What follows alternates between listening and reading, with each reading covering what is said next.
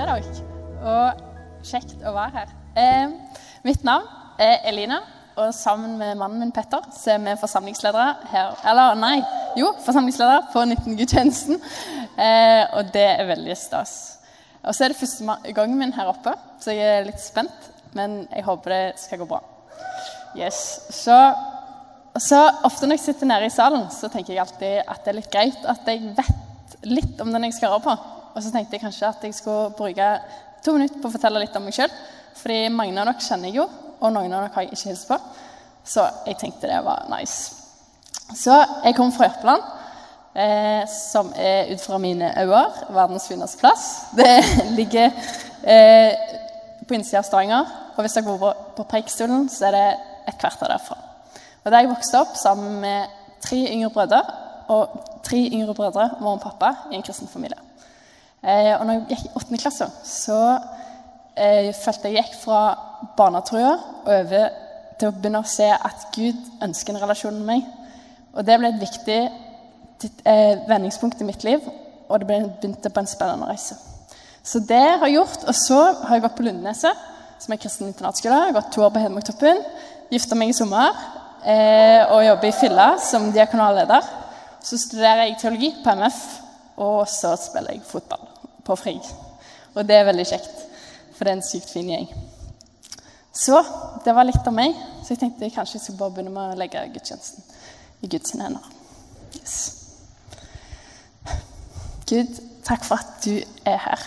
Og takk for at du har lyst å snakke til oss. Og jeg tror at du har lyst til å gjøre det i kveld. Så bare ber om at du må åpne hjertene våre, Gud. Takk for at du har lyst til å bruke meg. Hjelp meg til å snakke sant om den du er, Jesus. I ditt mektige navn. Amen. Ja. Jeg kjenner jo jeg er litt spent, faktisk.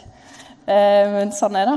Men vi begynner med en fortelling. Fordi når, I sommer så var meg og Petter på telttur i Lofoten. Noe skal vi anbefales, for det var dritgøy. Eh, og når, når, er, når en er på tur, så er det løye med det, for da svetter en litt. Og så går han på do her og der, og så vi sover i telt. da. Så dag fire så begynner jo håret å bli ganske fett. Eh, og etter hvert som dagene går, og vi sov faktisk ute i åtte netter, så behovet mitt for å ta en dusj den siste dagen, det var ganske stort. Eh, og så Én ting er jo det, men en annen ting er når klærne begynner å lukte. Eh, fordi etter hvert så ble jo klærne ganske svette, eh, og de begynner å bli litt ekle.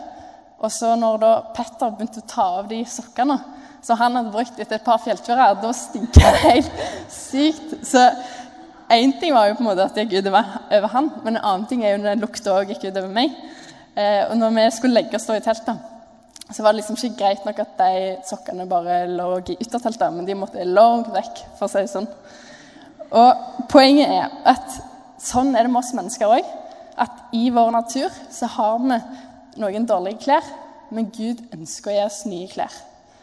Eh, og Paulus skriver om dette eh, at vi trenger å bli fornya. Og vi har ting i livet Jeg kjenner for min egen del at jeg har ting som stinker, og som ikke alltid er like godt. Og hvis det går og for lenge og det begynner å ulme, så kan det gå utover andre folk. Eh, men den gode nyheten er at Gud ønsker å gi oss nye klær i troa på ham.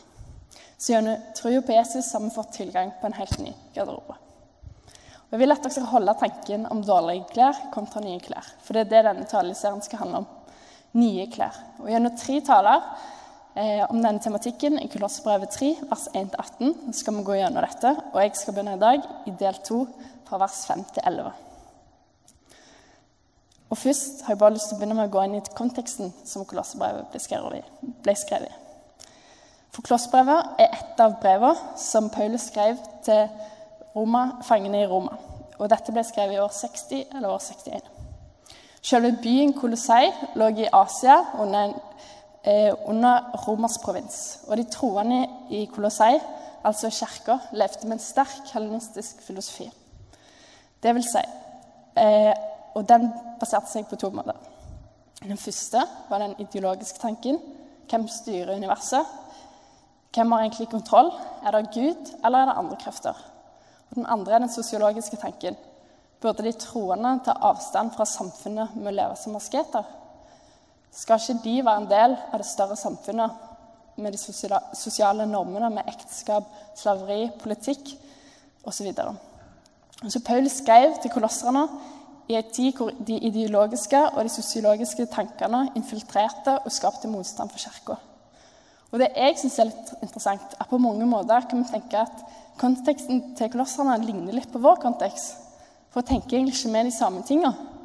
Er ikke vi òg litt sånn som kristne at vi, liksom har, vi tror på Jesus og lever som kristne? Samtidig har vi lyst til å leve likt sånn som alle andre i samfunnet og i verden vi lever i. For vi lever i et samfunn eh,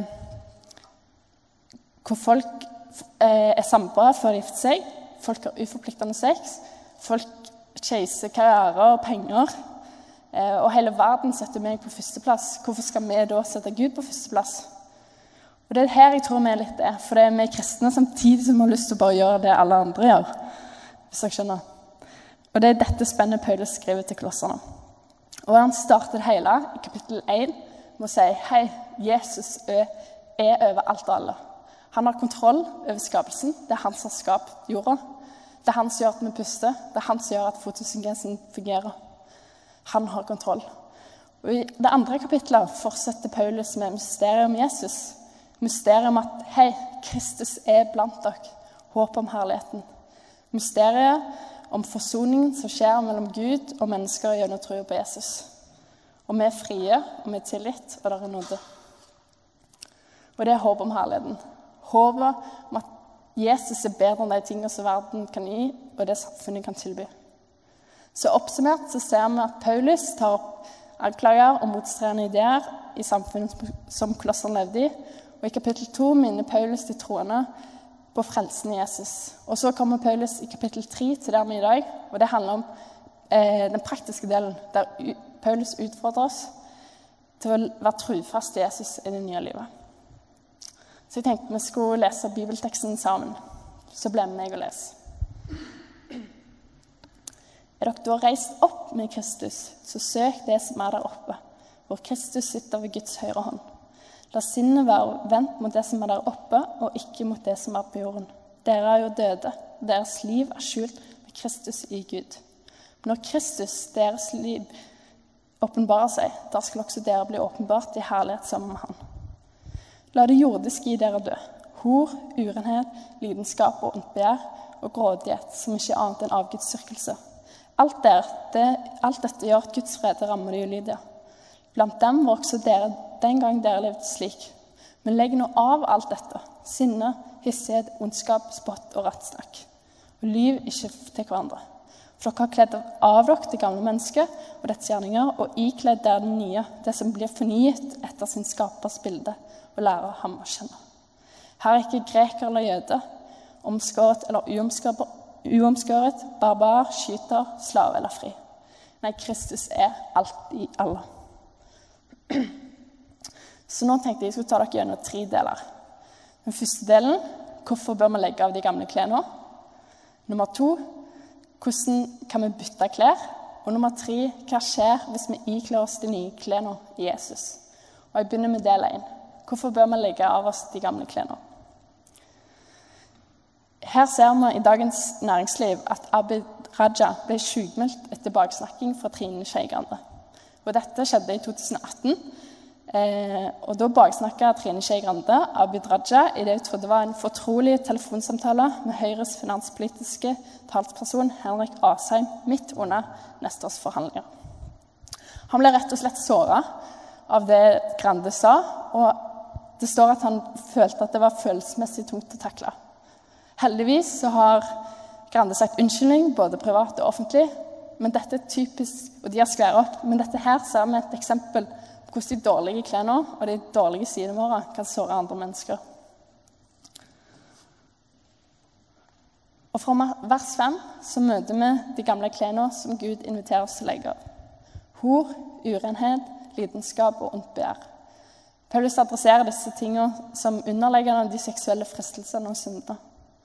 Grådighet som ikke er annet enn avgudsdyrkelse, sier Paulus. At man eksisterer for ens egen personlige formål eh, og fornøyelse. Sinne, hissighet, ondskap, spott og rått snakk. Og ikke liv for hverandre. Men vi kan òg legge til stolthet og egoisme osv. Det er alle disse tingene som verken er godt for oss sjøl eller for folk rundt oss. Og det kan være vondt, vanskelig og sårt å bære på disse tingene. Men den gode nyheten er at Gud ønsker oss nye klær i tro på Han. Og i troa på Han så har vi fått et helt nytt klesskap. Og så er det litt sånn at Alle disse utingene som Paulus ranser opp her, det er konsekvensen av at vi er Gud i eget liv, og konsekvensen av syndefallet. Fordi vi er uperfekte og lever i en verden eh, med masse fristelser, og problemet er at synden holder oss vekke fra Gud. Så på en måte kan han si at, at vi kristne sant? vi lever i en fallen verden fordi vi, Eller det er et spenn mellom de gamle og nye klærne fordi vi lever i en gammel verden, en fallen verden, samtidig som vi lever i Gud og har fått nye klær.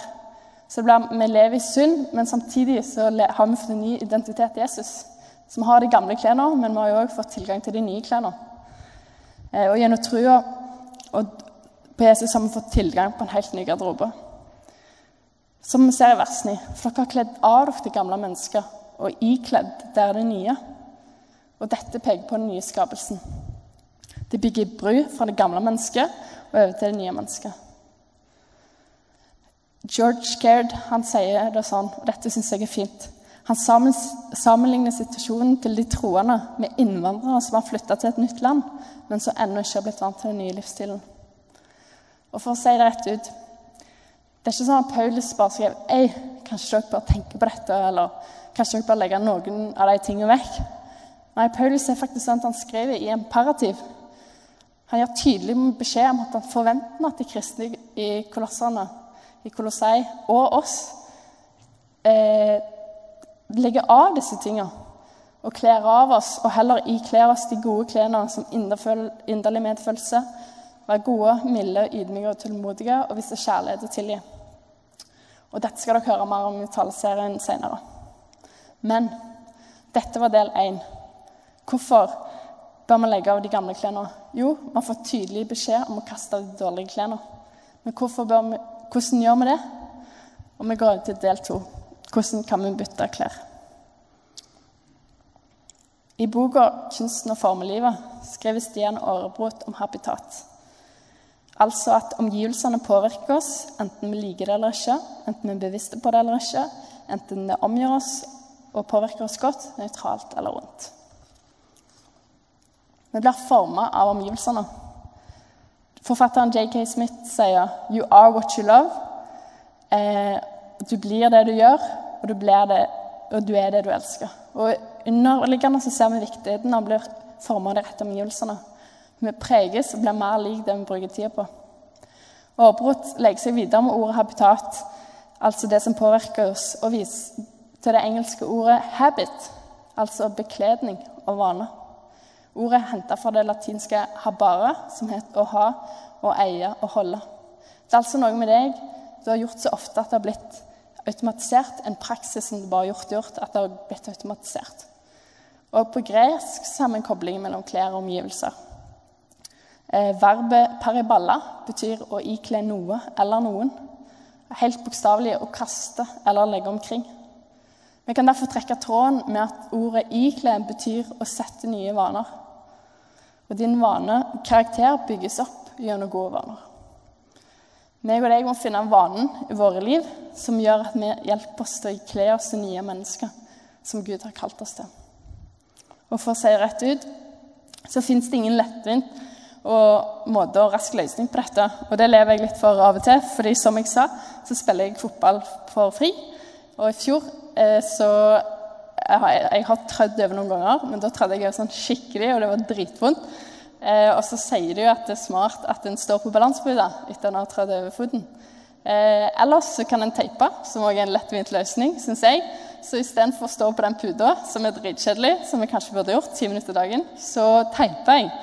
Eh, og det funka bra i ett år, helt til nå, for en måned siden. Så trødde jeg litt over igjen, og da ser jeg at shit, jeg burde stoppe den balanseputa selv om det er dritkjedelig. Og sånn er det med dette òg at hvis vi skal legge de gamle klærne og ta på oss de nye, så er det ingen sånn lettvint løsning. Jeg har ikke bare teipe. Det er en prosess. Eh, det er en prosess fordi vi står i det spennet med at vi er en fallen verden, samtidig som vi er nye mennesker i Jesus. Eh, og siden det nye blir fornya, så trenger vi alltid en fornyelse. Det er en kontinuerlig prosess. og Vi trenger stadig å fornye oss og legge av det som begynner. Men den gode nyheten er at det er Gud som gjør dette. Det er ingenting vi kan gjøre for at denne fornyelsen skal skje. Det er kun Han som kan fornye oss i sitt bilde. I Titus 2 så står det at Guds nåde oppdrar oss. Den nye naturen og de nye klærne kom som Guds gave. Og det er ingenting vi kan gjøre for å, for å prestere eller ha vår egen eh, viljestyrke eller eh, selvrealisering som kan gjøre at dette skjer. Det er bare Gud som kan fornye oss. Eh, og jeg kan fort havne i denne grøfta at jeg liksom tenker at jeg skal få til å bli mer lik Gud. Eller jeg må sette så og så mye tid for å bli mer lik Gud. Eller min prestasjon. Men det er bare Gud som kan gjøre dette. Det er bare Gud som kan fornye oss. Eh, og i Hebreerne 12, vers 4-7, så står det at det er Gud som oppdrar oss. Og det står for Gud tar seg av dere som sønner. Og la meg si det sånn. Du er hans barn. Eh, og han elsker deg høyere enn du noen gang kan forstå. Og som en far og en mor oppdrar sitt barn, så oppdrar Gud deg. Det er han som har ansvar for deg, og det er han som eh, eh, oppdrar deg etter sitt bilde. Og det er vakkert, og det er befriende. Så det er ingenting vi kan gjøre, på en måte. Men samtidig så kan vi jo, for det vi vet at Gud setter vaner, så kan vi sette vaner der vi er i lag med Han, sånn at Han kan oppdra oss i sitt bilde. Eh, fordi jeg sa jo at fornyelsen skjer når vi er med Gud, og han kan fornye oss i sitt bilde. Og Tidligere hørte vi jo at du er det du elsker, og du er det du gjør. Og Vi preges og blir mer lik det vi bruker tida vår på. Så vi så en kobling mellom ikle og sette nye vaner. Og Derfor må vi sette vaner med Gud. Vi må sette vaner der Gud kan være med å prege oss og forme oss. Eh, det handler om å søke hans ansikt. Om det er stilletid om morgenen, lese Bibelen, Gå tur i skogen, fellesskap, småfellesskap. Kjempeviktig arena til å dele de tingene som ikke alltid liker godt. Eh, og vi trenger hverandre.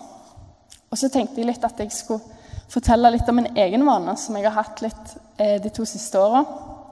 Eh, ja. Eh, som, jeg, som, har betydd mye for meg. Og det er at annenhver fredag så har jeg vært med ei venninne. Vi har drukket en kaffe, satt av tid. Eh, og så har vi på en måte snakket om skittentøyet vårt. Og det kan kanskje høres voldsomt ut, men jeg tror som jeg har sagt, at alle har litt sånne ting som ikke er perfekt og dritbra, og litt sånn ulme. Så når vi har kommet sammen, da, så har vi snakket om eh, Vi kommer der, og så snakker vi om liksom, å ta ting fram i lyset. Og jeg vet ikke om dere har tenkt på det, men Når det er et mørkt rom, og hvis du da tenner en fyrstikk, så er det ikke mørkt lenger i det rommet, fordi lyset er sterkere enn mørket. Og lyset vinner hver gang, for Gud er sterkere enn mørket. Så det som er så digg, og Av og til kvier jeg meg sjukt eller sånn, for å si det, for det er jo flaut og vondt. og alt sånn. Men når du sier det, så har ikke mørket makt lenger, fordi det, det binder ikke. Og lyset vinner hver gang. Så det har bare vært sånn skikkelig befriende. Og så er det så fantastisk, fordi Guds nåde tilgir hver gang. Han er så god, og det er ingenting vi kan gjøre som fortjener hans godhet. Og så innser han òg at han ikke strekker til, for det er liksom Gud som gjør alt. Jeg er bare så sykt menneske, og vi får det ikke til. Og så ser han òg at av og til tenker jeg ok, nå har jeg sagt den tingen, liksom, f.eks. om det er kjærligheten min til penger. Og så tenker jeg ok, nå har jeg snakket om det, jeg har bekjent det og gått videre. Så går det kanskje seks måneder, så dukker det opp igjen. Og det er litt sånn det, sånn som sammen den prosessen. Vi kommer til å komme de samme tingene igjen og igjen og igjen, fordi vi lever i en fallen verden samtidig som vi er nye Jesus. Og så er det så godt fordi jeg føler at når jeg kommer der, så blir mitt indre rensa. Jeg forstår ja, er det sånn jeg egentlig har det. Er det sånn det går?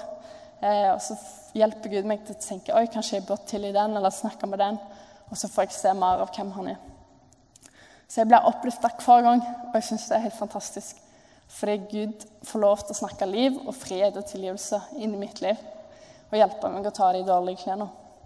Og synsbekjennelse er kanskje ikke like mye praktisert, hos, eh, hos, oss som i andre kirkesamfunn, men det er en religiøs handling som har blitt gjort praktisert gjennom hele den kristne tradisjonen.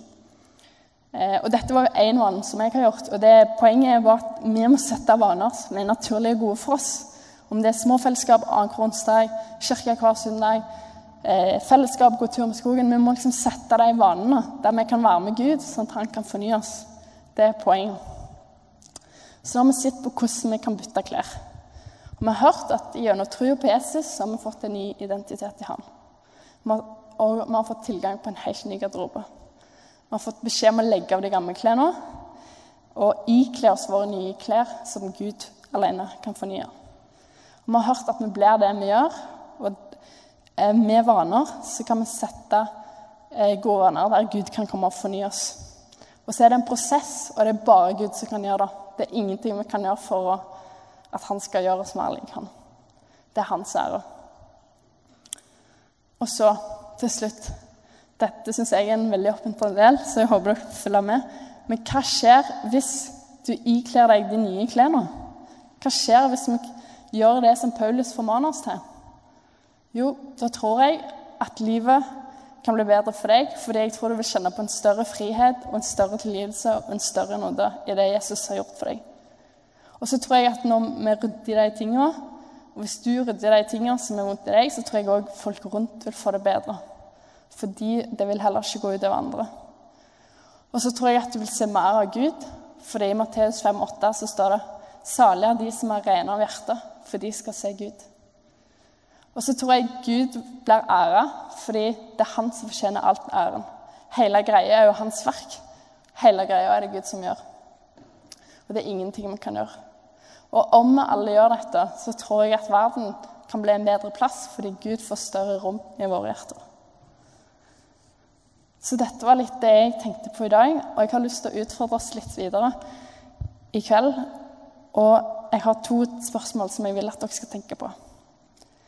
Det ene er hva kan du legge av deg? Og hvilke vaner kan du sette deg for å ikle deg de nye klærne Jesus? Fordi han elsker deg, og han har så mye for deg og lyst å bare komme nærmere deg og forme deg i sitt bilde. Så hva kan du legge av deg, og hvilke vaner kan du sette deg for å ikle deg de nye klærne av Jesus? Så vil jeg at dere skal tenke litt på det under solosangen, og så lytter vi til den. Yes.